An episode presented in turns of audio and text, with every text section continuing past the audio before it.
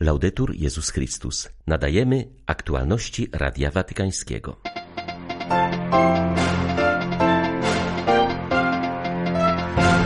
Na potrzebę zachowania modlitewnej atmosfery w katolickich świątyniach zwrócił uwagę papież na audiencji dla Rady czuwającej nad budową Bazyliki Świętej Rodziny w Barcelonie.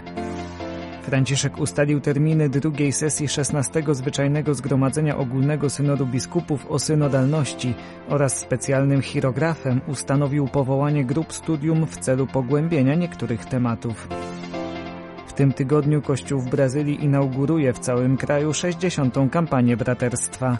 Inicjatywie pobłogosławił Ojciec Święty. 17 lutego wita Państwa ksiądz Tomasz Matyka. Zapraszam na serwis informacyjny. Na potrzebę zachowania modlitewnej atmosfery w katolickich świątyniach zwrócił uwagę papież na audiencji dla Rady czuwającej nad budową Bazyliki Świętej Rodziny w Barcelonie. Franciszek podkreślił, że troska o modlitwę powinna być priorytetem dla wszystkich, którym powierzono opiekę nad kościołami.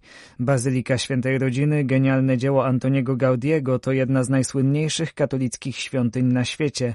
Jej budowa trwa od 140 lat. Pierwotnie planowano, że mogłaby się zakończyć w 2000 2026 roku, w setną rocznicę śmierci hiszpańskiego architekta. Opóźnienia wynikające z pandemii uniemożliwiają jednak dotrzymanie tego terminu. W listopadzie ubiegłego roku udało się ukończyć wieżę ewangelistów, okalające jeszcze w pełni nieskonstruowaną wieżę Jezusa, która będzie liczyć 172,5 metra. Zwracając się do członków Rady odpowiadającej za budowę świątyni, papież podziękował za trud wkładany w to wielkie dzieło. Przypomniał zarazem o potrzebie uszanowania sakralnego charakteru wspomnianego miejsca. Z pewnością zauważyliście, że Bazylika Świętej Rodziny jest zbudowana w taki sposób, aby każdemu portykowi przyświecał konkretny temat, zilustrowany fragmentami Pisma Świętego i zwieńczony jakąś modlitwą. I tak pierwsze drzwi, drzwi wiary, które znajdują się za wizerunkiem Jezusa pouczającego uczonych w Piśmie, zawierają modlitwę do Trójcy Przenajświętszej. Wiara głoszona musi stać się modlitwą. Zawsze. Centralne drzwi miłosierdzia, których głównym wizerunkiem jest właśnie święta rodzina, zapraszają nas do wzniesienia wzroku ku tajemnicy wcielenia. Bo właśnie w adoracji, w kontemplacyjnej modlitwie tajemnic otwieramy się na światło niczym wielki witraż owej świątyni. Zachęcam Was zatem, abyście przyjmowali pielgrzymów przybywających do bazyliki, abyście wprowadzali ich w modlitewną postawę kontemplacji całości ikonograficznego projektu sługi Bożego Antonia Gaudiego, tak aby podobnie jak szczyty i dzwonnice, ich spojrzenia wznosiły się ku górze, a ich głosy głosiły wraz z aniołami Święty Boże, Święty Mocny, Święty, a nieśmiertelny. Santo, nuestro Dios inmortal. Sekretariat Generalny Synodu poinformował, że papież Franciszek ustalił terminy drugiej sesji XVI Zwyczajnego Zgromadzenia Ogólnego. Sesja ta rozpocznie się w środę 2 października i potrwa do niedzieli 27 października 2024 roku, kontynuując pracę na temat ku Kościołowi Synodalnemu komunia, uczestnictwo i misja.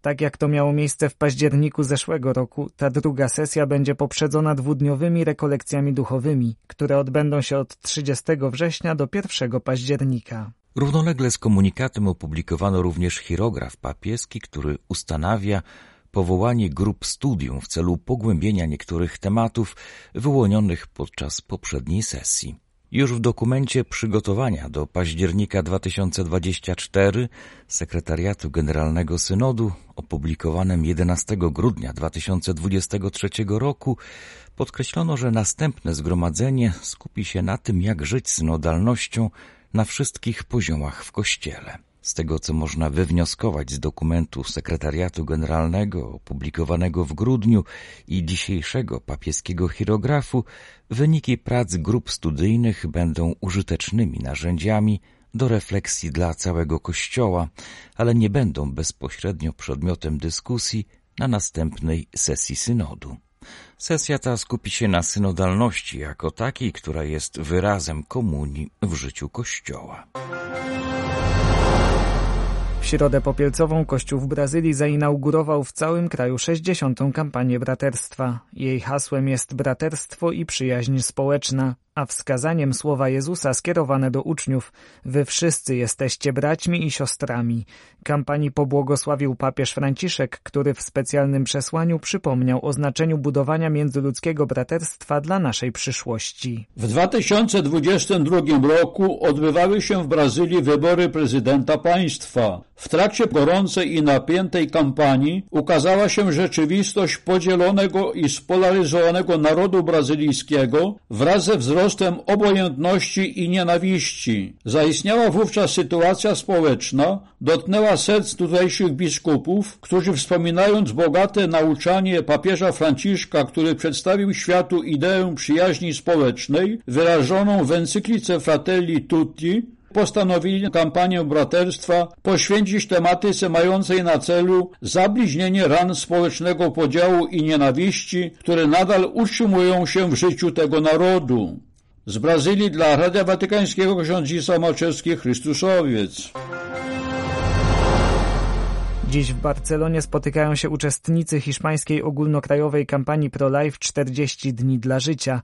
Po mszy wysłuchali m.in. świadectwa Izabeli Wogan pod tytułem Bronić życia razem z Maksymilianem Kolbem. O Wogan, wolontariuszce i działaczce Pro-Life, zrobiło się głośno, kiedy została zatrzymana przez policję przed kliniką aborcyjną za to, że modliła się w myślach. Ponad 20 hiszpańskich miast bierze udział w kampanii Pro-Life 40 dni dla życia, która rozpoczęła się w środę popielcową i potrwa do niedzieli palmowej. W 2022 roku w Hiszpanii dokonano blisko 100 tysięcy aborcji, o 9% więcej niż rok wcześniej. Od środy popielcowej przed blisko 30 klinikami aborcyjnymi trwa modlitwa w intencji życia i położenia kresu aborcji. Ważną częścią kampanii 40 dni dla życia jest post, który polega na spożywaniu tylko jednego posiłku dziennie lub dwóch małych. Organizatorzy apelują, aby uczestnicy poważnie traktowali post w dniu, w którym będą się modlić, ponieważ z poprzednich kampanii wiadomo, że w miastach, w których było to praktykowane, najwięcej kobiet zostało uratowanych przed dokonaniem aborcji. Z Hiszpanii dla Radia Watykańskiego ojciec Marek Raczkiewicz, redemptorysta.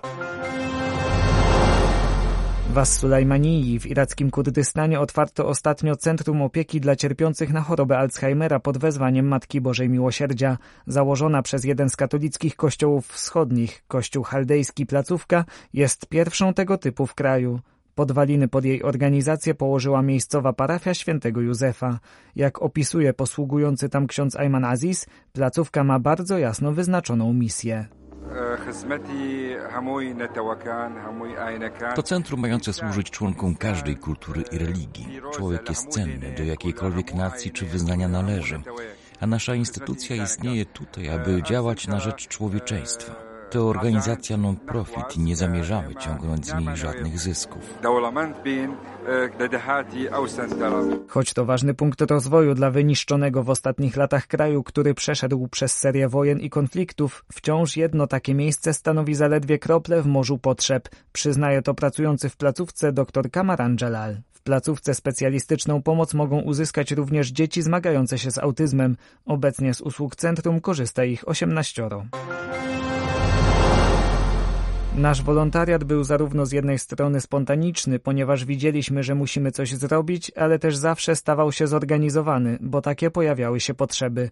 Tak o doświadczeniach pomocy udzielanej przez wspólnotę grecko-katolickiego seminarium w Lwowie mówi jej rektor, ksiądz Ichor Bojko. Duchowny wskazuje w rozmowie z Radiem Watykańskim na to, jak Ukraińcy z ostatnich dwóch lat pełnoskalowej wojny Rosji przeciw ich ojczyźnie wyciągają nie tylko cierpienie, ale i solidarność. Ta wojna porodziła taki fenomen nowy, którego nie było przedtem bardzo w Ukrainie, wolontariatu i dużo, dużo młodych osób i także księży i studenci, oni chcą coś robić, dlatego żeby no, czuć się korzystnymi dlatego żeby nie tak tylko no, uczym się nic więcej. I ja myślę, że to tak e, z jednego boku wojna jest złem, ale z innego boku wyciąga te takie rysy charakteru, jakie są solidarnością, pomocą dla innych, może swój czas przedzielić dla kogoś i to chyba także pomaga innym dużo. Rektor lwowskiego seminarium z czasem zaczął też jeździć z wolontariuszami z zagranicy, na przykład z Włoch czy z Niemiec, aby móc przekazać pomoc w okolicach linii frontu czy na terenach wyzwolonych.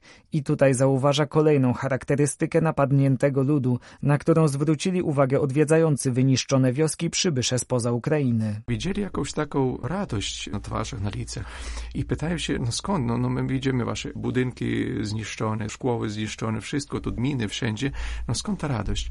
I te ludzie powiedzieli jedną rzecz, z którą oni pojechali w Włochy do Włoch, że a co nam zostaje robić? Nam nie zostaje nic więcej, jak tylko czasami płaczymy, ale czasami my musimy mieć też i radość. Kiedy wy przyjeżdżacie do nas, to znaczy, że my nie jesteśmy sami tutaj. To, co wy nam przywozicie, to jest bardzo dobrze i my to oceniamy bardzo, ale więcej oceniamy waszą tutaj bliskość, waszą tutaj obecność, że jesteście z nami, że my nie jesteśmy sami w tych trudnościach, w jakich teraz się znachodzimy. Ksiądz Bojko widzi w tych wydarzeniach niezwykłą wymianę. Mówi o tym, co uważa za jej źródła. Wojna ona zmienia dużo osób, dlatego że może najpierw osoby, które my spotkaliśmy też e, mówili, że najpierw chciałbyś mieć jakiś dom, samochód, ale teraz dla nas oni powiedziały, najważniejsze też, że my mamy życie że my możemy jeszcze żyć, że my mamy czym oddychać, że my możemy tutaj być na swojej ziemi. Tak, ciężko nam jest, ale to jest nasza ziemia i my jesteśmy tutaj i my jesteśmy żywi. To znaczy, że zmieniają się jakieś takie punkty widzenia, jakieś priorytety w życiu stają całkiem inne, nie tylko materialne, ale całkiem inne. W takich okolicznościach ksiądz Bojko podkreśla w wywiadzie dla Radia Watykańskiego, że ma w sobie dużo wdzięczności. Płynie ona stąd, iż cały świat pomaga Ukrainie a potem dodaje jeszcze szczególnie. Ja chcę podziękować też pomocy polskiemu narodu, dlatego że oni w różny sposób podtrzymują Ukrainę, pomagając i, i przyjmując e, ludzi w swoje miasta, wioski i za to też dziękuję bardzo. I ja myślę, że to jest taka no, wielka solidarność, którą my odczuwamy jako Ukraińcy. Ja by chciałem, żeby wojna się skończyła jako szybciej można, żeby te wszystkie ludzie mogli wrócić do Ukrainy i odbudować, dlatego że możemy odbudować bardzo, bardzo piękną ziemię. Jan Paweł II. Teologia ciała.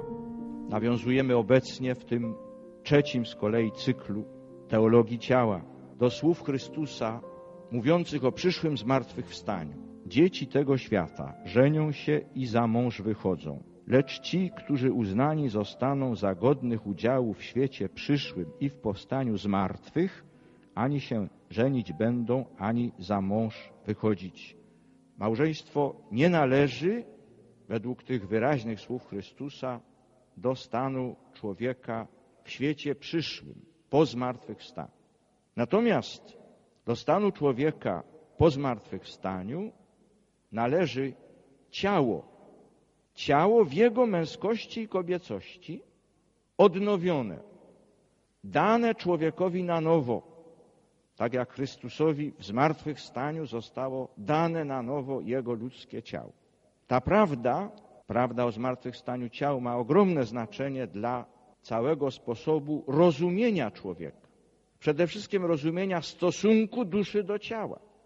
Słowa Chrystusa i cała tradycja chrześcijańska przemawiają za tym, że tego stosunku duszy do ciała nie można rozumieć tak, jakby ciało było czymś tylko dodanym do ducha. Całość katechezy o teologii ciała na polskiej stronie Vatican News w YouTube oraz głównych platformach podcastowych. Były to aktualności Radia Watykańskiego. Laudetur Jezus Chrystus.